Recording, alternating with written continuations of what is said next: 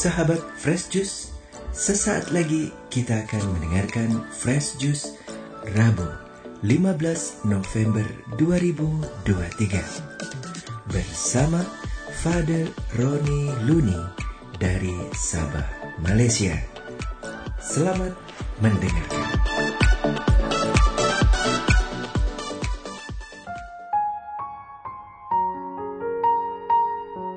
Salam damai dan kasih Kristus kepada semua pendengar setia Frecius yang dikasihi Tuhan dan disayangi oleh Bonda Maria.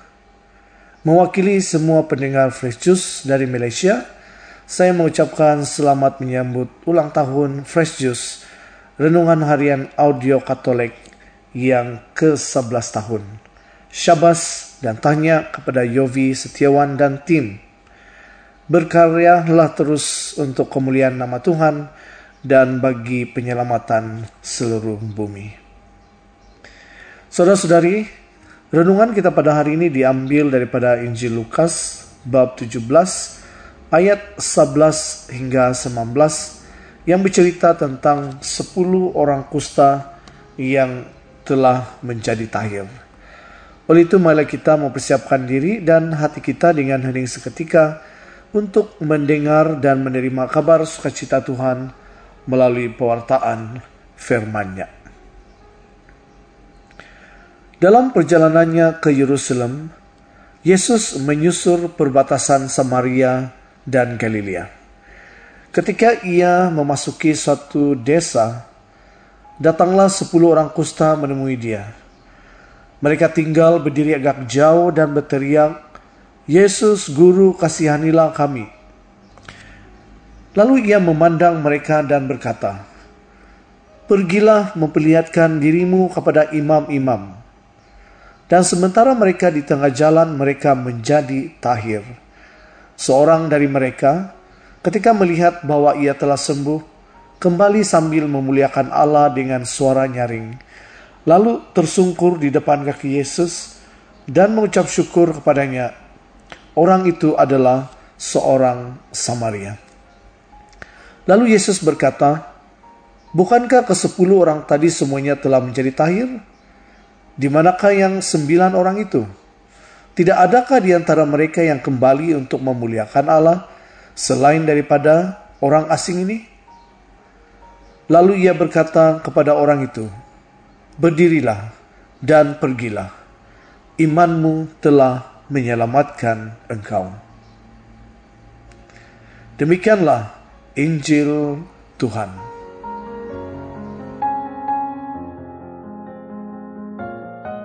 Dalam perjalanan Yesus menuju Yerusalem, ia bertemu dengan sepuluh orang kusta di sebuah desa.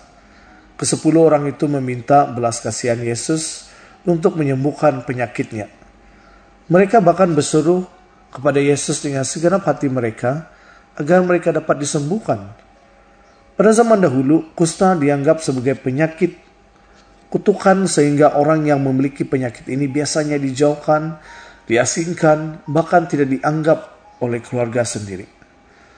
Pada masa itu, kusta merupakan salah satu penyakit yang memalukan, karena penyakit ini akan menyebabkan si penderita kehilangan sebagian anggota tubuhnya. Orang yang terkena penyakit ini dianggap telah melakukan dosa besar sehingga Tuhan menghukum mereka melalui sakit yang mereka deritai.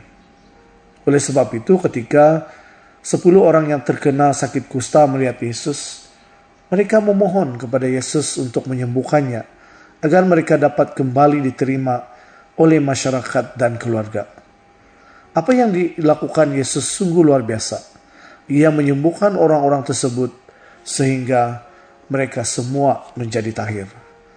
Namun, dari kesepuluh orang tersebut, hanya satu orang sahaja yang bersyukur kepadanya. Nah, pertanyaannya, apakah Anda pernah seperti kesembilan orang yang telah disembuhkan oleh Yesus yang melupakan kebaikannya? Jika pernah, mengapa hal itu boleh terjadi? Dan apa yang membuat Anda sulit atau sukar untuk bersyukur? Seringkali saya mendengar satu suatu perkataan bahwa bersyukur itu lebih mudah dilakukan ketika kita dalam keadaan baik atau menerima sesuatu yang kita inginkan. Ketika suatu persoalan hidup datang menimpa kehidupan kita, kita menjadi pribadi yang yang sukar untuk bersyukur kepadanya. Bahkan kita juga tidak dapat melihat kebaikannya di dalam kehidupan kita. Ketika ada satu persoalan, kita selalu be, be, berseru dan berdoa kepadanya agar kehidupan kita dipulihkan. Namun setelah ia menjawab dan memulihkan kehidupan kita, kita terkadang lupa akan kebaikannya dan justru tidak mengucap syukur kepadanya.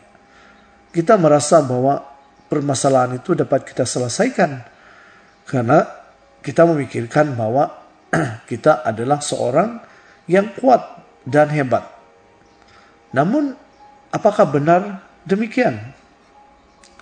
Dari firman Tuhan yang telah kita baca, kita mendapatkan satu pelajaran yang sangat berharga yaitu untuk selalu bersyukur atas kebaikan yang telah Tuhan berikan kepada kita. Mungkin ya, memang benar jika bersyukur di saat kita memiliki satu masalah itu sukar, sulit. Namun sebenarnya itu tidak mustahil kita lakukan. Dalam Mazmur 106 ayat 1 dikatakan demikian, Haleluya, bersyukurlah kepada Tuhan sebab ia baik, bahwasanya untuk selama-lamanya kasih setianya. Tuhan itu selalu baik kepada kita anak-anaknya.